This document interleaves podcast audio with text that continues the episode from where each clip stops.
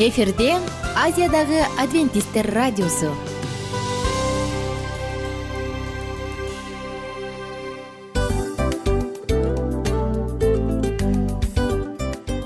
Достор салют.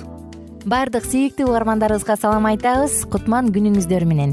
Ден соолук өмүрдүн булагы демекчи саламат саамы программасында баарыңыздарды көргөнүбүзгө абдан кубанычтабыз. Анда алгач амандашып өтөлү арбаңыздар деп. Ден соолугуңуздар кандай элибизде көбүнчө ден соолук кандай дегенде эле жакшы деп жооп беребиз э? ооруп турсак дагы жакшы дейбиз. Анан мен муну айтып ойлойт элем бул абдан сонун сөз депчи анткени бул жакшы деген үмүт да ооба баары жакшы болот. Баары сонун. Деп үмүттөнүп атып эле өзүбүздү өзүбүз дарылап коебуз. Анысы кандай сиздин дагы ден соолугуңуз жакшы беш деген үмүттөбүз чындыгында ден соолук бул өмүрдүн булагы деп бекеринен айтылган эмес деп ойлойм. Кыргыз элинде анткени эгерде ден соолук жок болсо анда адамдын жашоосунда калган баардык керектүү маңыздуу нерселер өзүнүн баалуулугун жоготуп коет. Ошондуктан ден соолук бул эң керектүү нерсе. Ооба туура айтасың кесиптешим. Чынында ден соолугуң жок бир эки үч күн ооруп калсаң эле э кандай болуп калат? Жашоодо көз каранды болуп каласың көп нерсеге жетишпей каласың көп нерсени кыла албай каласың жада калса эшикке дүкөнгө да чыга албай каласың. Туптуура анан ден соолук болсо демек биз биздин бактыбыз тотой деп койсок болот. Анда достор саламат рубрикабызды баштайлы. Алдыда өзүңүзгө керектүү болгон сонун кеңештерди уга аласыздар. Мына ошондуктан биз менен бирге болуңуздар. Ал эми биз болсо милан жана айнура. Кеттик алга. Алга саламат саама ден соолуктун жарчысы. Саламат саама ден соолуктун ачкычы. Күн сайын сиз үчүн мыкты кеңештер сонун жаңылыктар кызыктуу фактылар биздин рубрикада.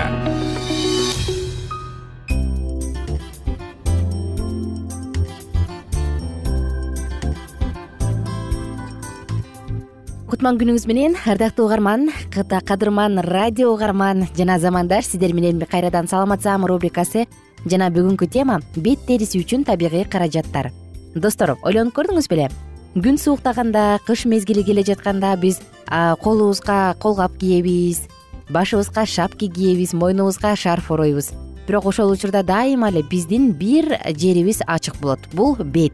Демек бет башка дененин бөлүктөрүнө караганда өзгөчө өзгөчө өзгөчө кам көрүүгө муктаж немесе бет териси үчүн кандай табигый каражаттарды колдонсо болот. Ушул жөнүндө кененирээк айтып беребиз. Негизи бет дайыма күндүн нуруна өтө эле сезимтал келет. Шамалга муздакка сезимтал келет. Анткени анын териси жука. Андан сырткары эгерде бетке кам көрбөй турсак ал өзүнүн серпилгичтигин жоготот өзүнүн чыңалган түрүн жоготот дагы акырындык менен ооруй баштайт. Бетте ар кандай тактар көйгөйлөр пайда боло баштайт акыркы учурда бетке туура кам көрүү бир гана аял затын эмес мырзаларды дагы кабатырланта баштады. Жана бул туура. Бетибизде бир аз көйгөй жаралганда биз дарылуу эле сурулук сулуулук сарбонуна барабыз. Спа процедураларды өтөбүз дагы. Бирок ошол эле нерсени үйдөн эле жасаса болор экенин эстен чыгарып коебуз. Эмесе бүгүнкү темабыз. Дагы бир жолу айтайын. Бетке туура кам көрүүгө үйрөтүүчү кадимки эле табигый каражаттарды колдонуу. Эгерде сиздин бетиңиз өзү эле табиятынан жаратылышынан сонун идеалдуу болсо бул дайыма эле андай болбойт. Кайсы бир учурда ал өзүнүн сулуулугун өзүнүн свежестин акырындан жоготуп коюшу мүмкүн.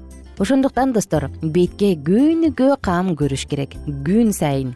Эң алгач сиздин териңиз кандай? Ошону аныктап алыңыз дагы. Ошого жараша кремдерди бет майларды ошого жараша ар кандай каражаттарды таап алып анан ага кам көрүү зарыл бетке кам көрүүнүн дагы бир түрү. Албетте күнүгө үйдөн кандайдыр бир лосьондорду макияждарды алуучу каражаттарды колдонуп күнүгө тазаласа болот.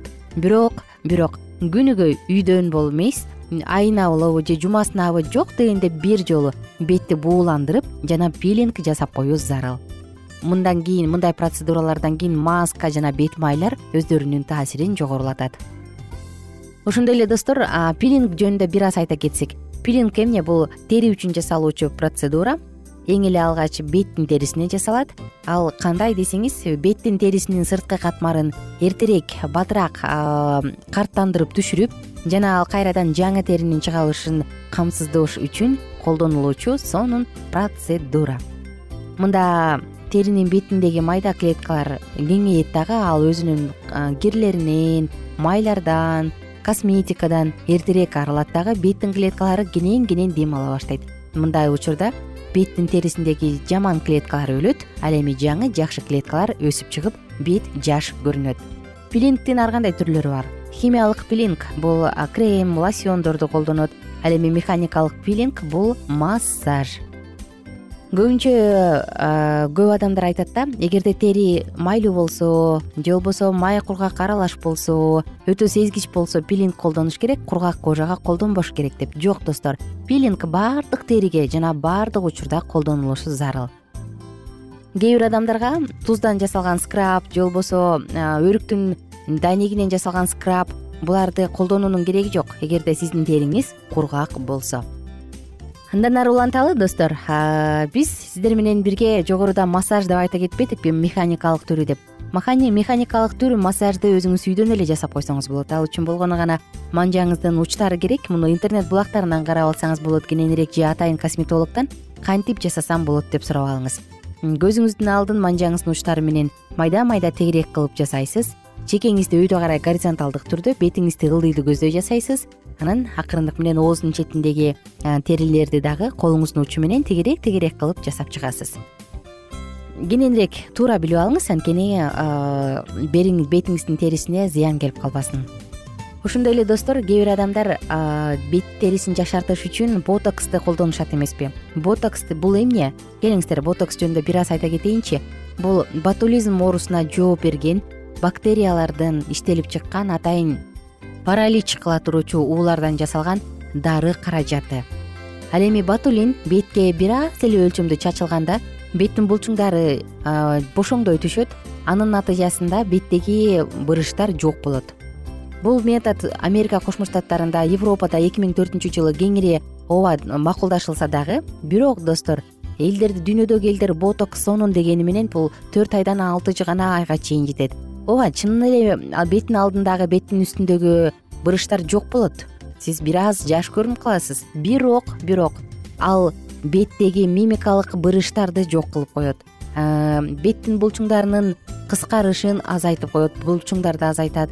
Демек сиз каалайсызбы каалабайсызбы? Бир аздан кийин бетиңиз мурдагыдагынан дагы коркунучтуураак көрүнүп калышы мүмкүн. Ботоксту инъекция кылууда сөзсүз түрдө пластикалык хирург дерматолог невролог жасаганы зарыл. Эгерде адам куш бойлуу болсо же бала эмзип жүрсө бетине эч качан ботокс жасатпашы зарыл өзгөчө антибиотиктер менен дарыланып жатсаңыз анда ботокс жасатуу сизге каршы көрсөтүлгөн. Дагы кийинки нерсени айта кетели бул бетти агартыш үчүн беттин үстүн түз кылып жакшынакай көрсөтүш үчүн ит мурундун майын колдонуңуз жакшы кайсы жерде пигмент бар болсо ошол жерде ошол жерге манжаңыздын учтары менен сүйгөп коюңуз күнүнө үч төрт жолу. Жана чай майынын чай багынын майын дагы жасаганды унутпаңыз ал дагы эң сонун эффект берет. Тазалайт. Ар кандай суук тийүү сезгенүүлөрдү алат жана теринин регенерациясын жеңилдетет. Эми достор кийинки дагы бир сонун эле үйдөн жасалуучу ыкманы айталы. Бул нерсе бизде абдан көп. Бул сабиз маскасы. Сабизди теркадан өткөрүп алыңыз дагы аны бетиңиздин кайсы жеринде көйгөй бар болсо ошол жерге жарым саатка коюп андан кийин суу менен жууп салыңыз. Ошондой эле лимондун согунан бадыраңдын согунан дагы лосьон жасап алып бетиңизди сүрсөңүз агартат жана көйгөйлөрдү жок кылат. Достор бетке кам көрүү бул бир гана жагымдуу тери үчүн эмес бул өзүңдү жакшы сезиш үчүн дагы керек. Ошондуктан бетиңизге туура кам көрүңүз биздин кеңештерди колдонуңуз жана жашооңузда өзүңүзгө ишенимдүү болуп жакындарыңызга кубаныч тартуулап жүрө бериңиз. Сиздер менен коштошобуз кайрадан кийинки уктуруулардан амандашканча. Саламат саама ден соолуктун жарчысы. Саламат саама ден соолуктун ачкычы. Күн сайын сиз үчүн мыкты кеңештер сонун жаңылыктар кызыктуу фактылар биздин рубрикада. Салют замандаштар баарыңыздарга ысык салам дил маек программабызга кош келиңиздер. Дил маек рубрикасы дегенде эле бул эмне болгон дил маек ким менен маектешебиз деп сурайт болуш керек угармандарыбыз бул рубриканы кыскача тааныштыра кете турган болсок ар тарап кесип ээлеринен болгон сонун интервью кеңештер бар. Ооба. Жылдыздар менен болгон маек бар. Аталарыбыздын агаларыбыздын чоң аталарыбыздан сонун кеңештер бар. Ошондой эле эже сиңдилердин кеңештери бар айтор. Баардык кызыктардын баары алдыда. Негизи эле адам баласы бир кимдир бирөөнө ишенип сырын ачкысы келет эмеспи э мындай баарлашууга жакын келебиз го. Албетте негизи бир жерге отуруп алып кенен шашпай баягы жүрөктөн жүрөккө ачып сырларыбызды ар кандай көйгөйлөрүбүз менен бөлүшүп баягы чын жүрөктөн маек курганды кимибиз сүйбөйбүз э? Ооба десең ал нерсеге суусап да келебиз да. Ооба кээ бирде адамга чындыгында баягы э, ысык маек баягы жылуу маек жетишпейт да. Ошондуктан биз ушул рубриканы ойлоп тапканыбызда эң биринчи эле достор сиздер менен чын жүрөктөн бир маңыздуу темаларды козгоп кеткени э, кааладык. Ошондуктан ушундай сонун бир рубриканы тартуулап жатабыз. Анын үстүнө радио дагы сонун дос да анткени э, мындай учурда досуңа айтсаң досуң досуна айтат досу досуна айтат да анан бүт өлкө билип калышы мүмкүн го а радио болсо сени сатпаган сенин айыбыңды ачпаган. Сенин сырыңды эч кимге айтпаган сонун дос ошондуктан биздин алдыдагы айта турган кеңештерибизди биздин досторубуздун кеңештерин угуп анан ал жака пикириңизди дагы калтырып кайрадан биз менен байланышсаңыздар болот. Деги эле жашооңузга эгерде кичине болсо дагы өзгөрүү алып моралдык жактан нравовик жактан сонун бир кеңештерди алсаңыз демек биз максатыбызга жеттик. Ооба. Чыңгыз атабыз улуу жазуучу э, чыңгыз айтматов айткандай адам болуу бул күнүмдүк процесс экен. Күн сайын адам бойдон калуу бул адамзатка эң эле кыйын дейт э? э эң кыйын дейт. Чындыгында бунун э, негизинде адамдын эң баягы сапаттуулугу адамдын адамгерчилиги жана көптөгөн керектүү нерселер мына ошол темалар дагы бизде э, ушул дил маекте биз аларды да козгойбуз. Э, ден соолук жөнүндө да сүйлөшөбүз. Сөзсүз түрдө. Анан милан мырза негизи айтып коюшат го? Э, биз көбүнчө эмнени ойлонсок? Ошол нерсеге карата иш кылабыз го. Ооба. Анан анысы балким бул радио баракчада кимдир бирөөнүн оюн текшергенге жардам берет кимдир бирөөнүн жүрөгүн текшергенге жардам берет балким кимдир бирөөгө жашоонун маңызын тапканга жардам берет. Айтор кызыктын баары алдыда бул жөн гана кыскача жарнама анда угармандарыбыздын баардыгын кийинки рубрикабызга чакырабыз. Ал эми кызматта маңдайымда отурган кесиптешим милан жана мен айнура. Анда эмесе биз даярдаган терең терең ойлор менен таанышууга кеттик. Алыс алыс баралык. Анда эмесе достор биз менен бирге болуңуздар. Алдыда эң кызыктуу маалыматтардын баардыгы бир нече мүнөттөр бою жалгыз гана сизге арналат. Мына ошондуктан жакшы маанай менен угууну каалайбыз. Үн алышканча. Жөнөдүк ар түрдүү ардактуу кесип ээлеринен. Алтын сөздөр жүрөк ачышкан сыр чачышкан сонун маек. Дил маек рубрикасында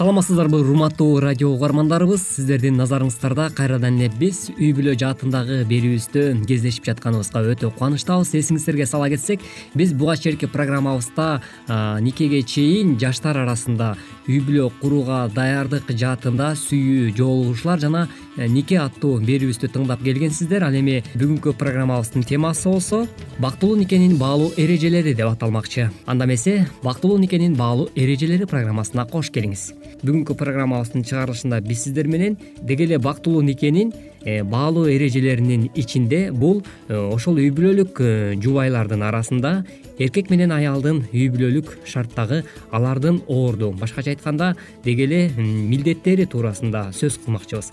Андыктан бул толкундан алыстабай бүгүнкү берүүбүздө биз менен биргеликте болуңуздар.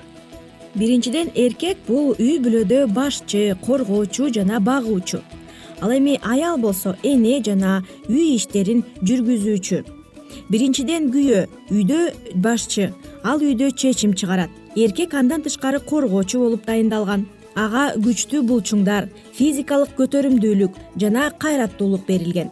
Андан тышкары жаратуучу ага үй бүлөдөгү кам көрүүнү буйруган сөзсүз түрдө чындап эле баягы эркек менен аялдын э, үй бүлөдөгү ролу эң чоң маанини камтыгандыктан эң башынан эле бул эң э, чоң жоопкерчиликти э, дал ушул эркек адамга жараткан жаратуучубуз дагы ыйгарган экен да. Мисалы үй бүлөнүн башчысы катары ал үй бүлөнүн азыркы тил менен айтканда үй бүлөнүн президенти болуп дагы саналат экен. Андыктан бул жоопкерчиликти ар бир эле мырза бүгүнкү күндө жон териси менен сезе билет деген ойдомун ар бир эле үйдө мисалга эркек өз ордунда болсо апасы өз ордунда болсо бул үй бүлө чын эле бактылуу үй бүлөлөрдүн бири болуп саналат экен сөзсүз түрдө чындап эле аял эркек э, ушул үй бүлөлүк э, милдеттерин так аткара турган болсо анда ачыктан айкын э, чындап эле үй бүлөнүн бактылуу никенин орношу дагы баардыгыбызга маалым эмеспи.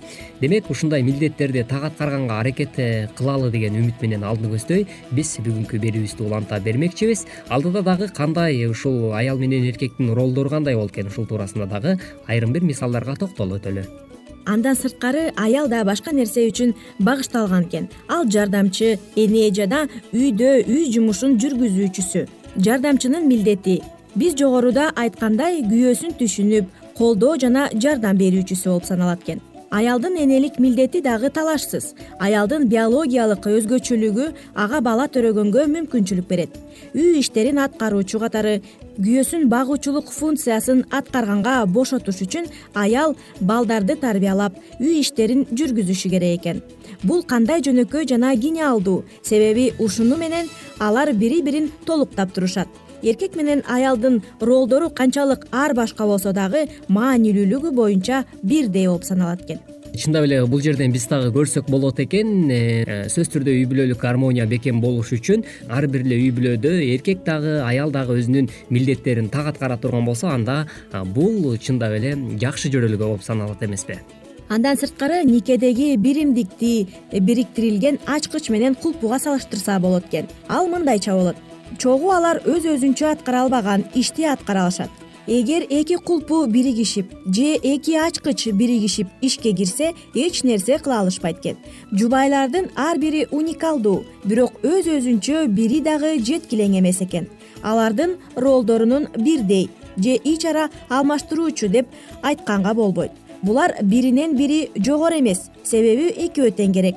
Алардын иштерине жараша караш керек себеби алар бири бирин толуктап турат экен албетте чындап эле буга чейинки программаларыбызда дагы биз айтып өткөнбүз. Жараткан жаратуучу аял менен эркекти э, тең укуктуулук менен э, жараткан деп э, себеп дегенде эң биринчи эркек адам жаратылып андан соң дал ошол эркектин кабыргасынан алынып аял заты жаратылды депчи. Бирок эч убакта ошо басынбап калбасын деп аны согончогунан же болбосо башка бир органынан төмөн жерден жаратканыбызды албаптыр да ошондуктан кыргыз элибизде дагы эң жакшы бир сөз бар эмеспи. Сөзсүз түрдө бир иш кылаардын алдында баягы үй бүлөлүк жаатта кабаргам менен кеңешейин деп айтылып жүргөн дагы эң сонун бир сөз бар эмеспи андыктан бул дагы жөн жерден болбосо керек. Ошондуктан э, аял менен эркектин үй бүлөдөгү орду бирдей укукка ээ болушу бул абдан маанилүү экен.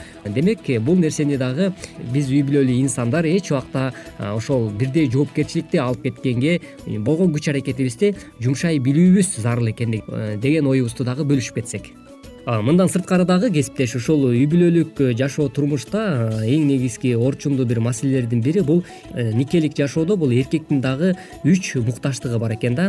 Анда эмесе дал ушул үч муктаждык туурасында дагы карап өтсөк. Эркектин үч муктаждыгы. Ошентип күйөөнүн милдети. Бул үй бүлөнүн башчысы коргоочусу жана багуучусу болуу.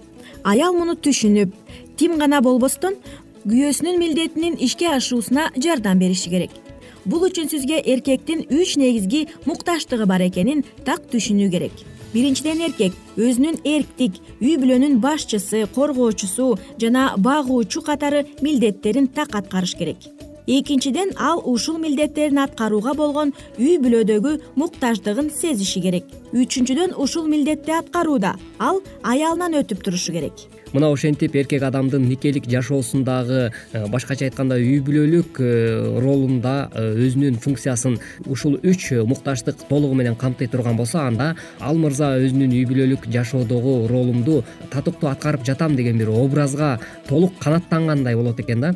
Демек бул жаатта дагы ушул үч нерсени ар бир эле мырза үй бүлөлүк шартта эсибизден чыгарбообуз зарыл экен.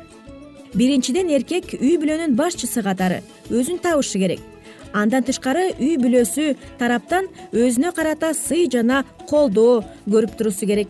Эркек сөзсүз түрдө башка бирөөлөрдүн жардамысыз өз бүлөсүнө кам көрүп күнүмдүк муктаждыктарынын толтуруп турушу керек. Ошондой эле үй бүлөнүн коргоочусу катары анын коркунучтардан жана кыйынчылыктардан коргоп турушу керек. Экинчиден эркектин үй бүлөсү ага башчы коргоочу жана багуучу катары муктаж экенин көрүп турушу зарыл бир гана өтө зарыл учурда гана сиз өз аялдык ролуңуздан сырткары турган эркектин жумушун аткарсаңыз болот. Ал эми кийинки берүүбүздөн эле кайрадан биз сиздер менен дал ушул бактылуу никенин баалуу эрежелери аттуу берүүбүздөн кезиккенче сак саламатта болуңуздар. Ар түрдүү ардактуу кесип ээлеринен алтын сөздөр жүрөк ачышкан сыр чачышкан сонун маек бил маек рубрикасында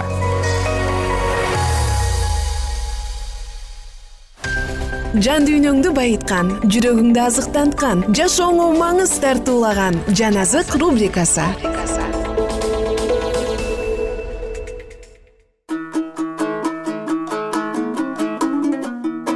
Кутман күнүңүздөр менен достор баардык сүйүктүү угармандарыбызга салют деп ысык салам айтабыз жана кайрадан.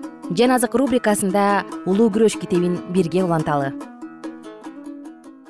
чыгыштан капысынан аңчалыктуу чоң эмес кара булут пайда болду.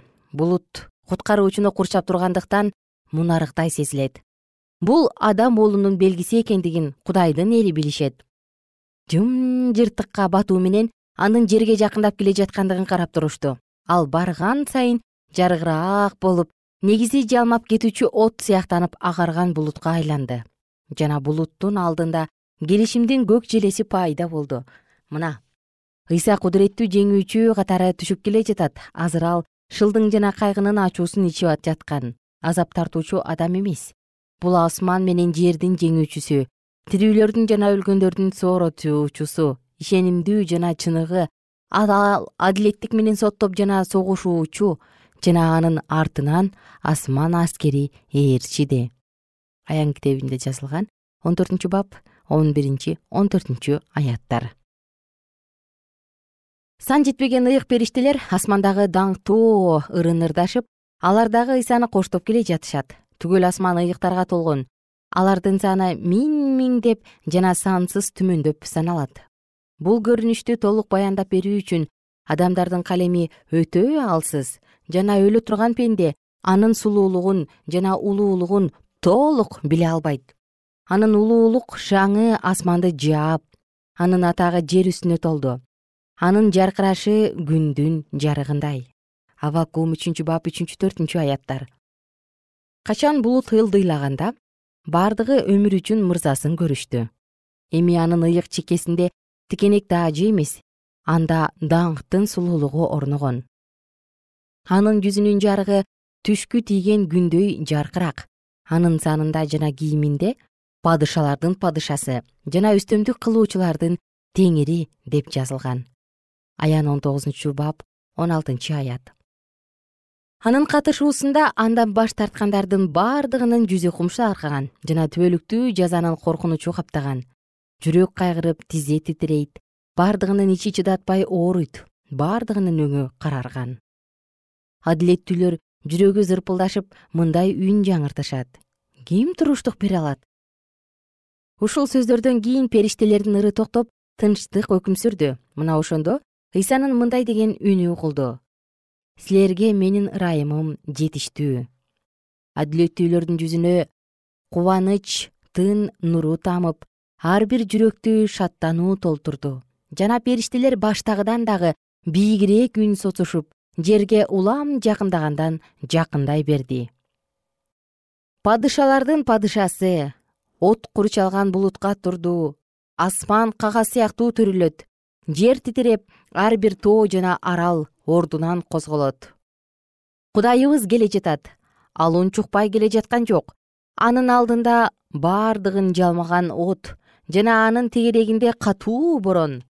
Ал асман менен жерге өз элин соттоо үчүн чакырык салып жатат деп жазылган забур кырк тогузунчу бап үчүнчү төртүнчү аяттарда. Жердеги падышалар жана төрөлөр байлар миң башылар жана күчтүүлөр ар бир кул жана эркин адам үңкүрлөргө жана капчыгайларга бекиништи.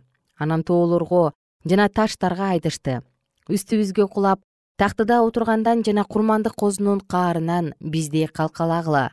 Анткени анын каарынын улуу күнү келди. Ким буга чыдай алар экен? Аян китеби алтынчы бап он бешинчи он жетинчи аяттар. Баягыдай шылдыңдап жана мыскылдоолор жоголгон жалган сүйлөгөн ооздор басылган курал жарактардын каңгыраганы басылып жоокерлердин кыйкырыгы жана кармашуунун чуулганы токтогон. Бир гана сыйынуунун ыйлоонун жана озондоонун үндөрү угулат бир кезде мыйыгынан күлүп шылдыңдаган ооздордон мындай үндөр угулуп жатты. Каардын улуу күнү келди. Ким ал күнгө туруштук бере алат. Адилетсиз адамдар өздөрү баш тартып кетишкен кудуреттүүнүн жүзүн көрбөгөнгө аракеттенишип таштардын жана тоолордун өздөрүнүн үстүнө түшүнүүсүн суранышты. Өлгөндөрдү тирилтип жаткан бул үн аларга тааныш. Канча жолу ал аларды терең кайгырып боорукердик менен тобо кылууга чакырган. Канча жолу жүрөктү зырылдаткан жалынуучу достук бир туугандык жана куткаруучулук үн аларга кайрылды эле. Анын ырайымынан баш тарткандар үчүн башка эч бир үн мынчалыктуу айыптап кайрылган эмес. Кайрылгыла. Өз жаман жолдоруңардан кайрылгыла. Эмне үчүн силердин өлүшүңөр керек? Жезекели отуз үчүнчү бап он биринчи аят. О эгерде бул үн аларга бейтааныш болсо гана ыйса мындай дейт. Мен чакырдым эле силер тиле албай койдуңар. Өз колумду сундум эле. Назар салган эч ким болбоду жана менин кеңештеримдин бардыгын силер четке кактыңар. Айыбыңарды ачканымды кабыл алдыңар. Укпаса дагы чакырык салган ийгилик алууну алар каалабаган бул үн алардын баш тарткандыктарын эстерине салат жана ала турган кубанычы аркылуу алар өз ойлорунан бардык жамандыкты тазалоого мүмкүндүк алышмак ыйса машаяктын мезгилинде аны кордоп шылдыңдаган адамдар дагы ошол жерде болушкан. Алар зирилдешип эми гана ыйса машаякты каргап жаткан дин кызматчынын алдында айткан мындан ары адам уулу кудуреттүүнүн оң жагында отурганын жана асман булуттарынын арасында келе жаткандыгын көрөсүңөр дейт матай жыйырма алтынчы бап алтымыш төртүнчү аят. Бул сөздөрүн эстерине салышкан. Эми алар анын даңкка бөлөнүп келе жаткандыгын көрүштү жана дагы кудуреттүүнүн жанында отурганын көрүшөт. Ал бир кезде өзүн кудайдын уулумун деп айтканда шылдыңдап күлгөн адамдар эми тилден калышкан. Бул жерде өзүнүн падышалык даражасы менен өз жоокерлерине ага падышалык кийимин кийиндирип мыскылдаган текебер ирод дагы бар. Жана анын ыйык чекесине тикенекти ажыны батыра кийгизип салышкан. Жана колуна падышанын аса таягын карматып урматтуу падыша! дешип кумарланып күлүшкөн адамдар дагы турушат.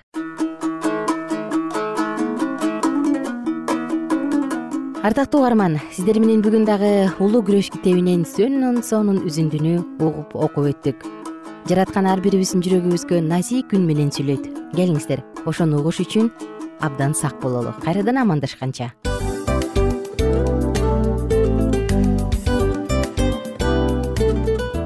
мына ушинтип убакыт дагы тез өтүп кетет экен. Биз дагы радио уктуруубуздун аягына келип жеттик. Келип кубандырдыңар эми кетип кубандыргыла деп тамашалап калышат эмеспи анысы кандай? Радио баракчабызды программабызды азыр эле баштап аткандай болдук элек. Мына соңуна келдик э? Негизи убакыт э, билинбей өтүп кетет экен? Мен дагы э, убакыт дегенде бүгүн бир адам менен сүйлөшүп калдым. Анан убакыт бул мүмкүнчүлүк деп айтып өзүмө өзүм айтып алып анан мага өзүмө эле кайра ачылыш болду да чын эле э Э, карап отурсаң ошол эле жыйырма төрт саат ошол эле жарым саат кайталанып атат. Бирок сендеги мүмкүнчүлүк жок ошол кой берилип кетти? Анысы кандай? Бүгүнкү сонун убактыңызды алтындай болгон жарым саатыңызды бизге бөлүп арнаганыңыз үчүн ыраазычылык айтабыз. Анан жашооңуздун кайсы бир сферасын өзгөртө турган сонун пайдалуу кеңеш алган болсоңуз анда биз максатыбызга жеттик. Анан ушул нерсени кылбасам десеңиз ошол өзгөрүүлөрдү кичинекей кадамдардан баштап иш жүзүнө ашырыңыз дагы жашооңузда чоң чоң ийгиликтерге жетиңиздер. Чын жүрөктөн ар бир берилген сөздөр сиздерге пайдасын алып келет деп ишенебиз жана кийинки уктурууларда сөзсүз түрдө чыдамсыздык менен сиздерди күтөбүз. Сагынычтуу салам айтып кайрадан дал ушул жыштыктан баардыгыңыздарды тосуп алганча. Кызматта мен айнура жана кесиптешим милан анда кол пул каалайбыз жалпыңыздарга ийгиликтүү күн. Саламатта калыңыздар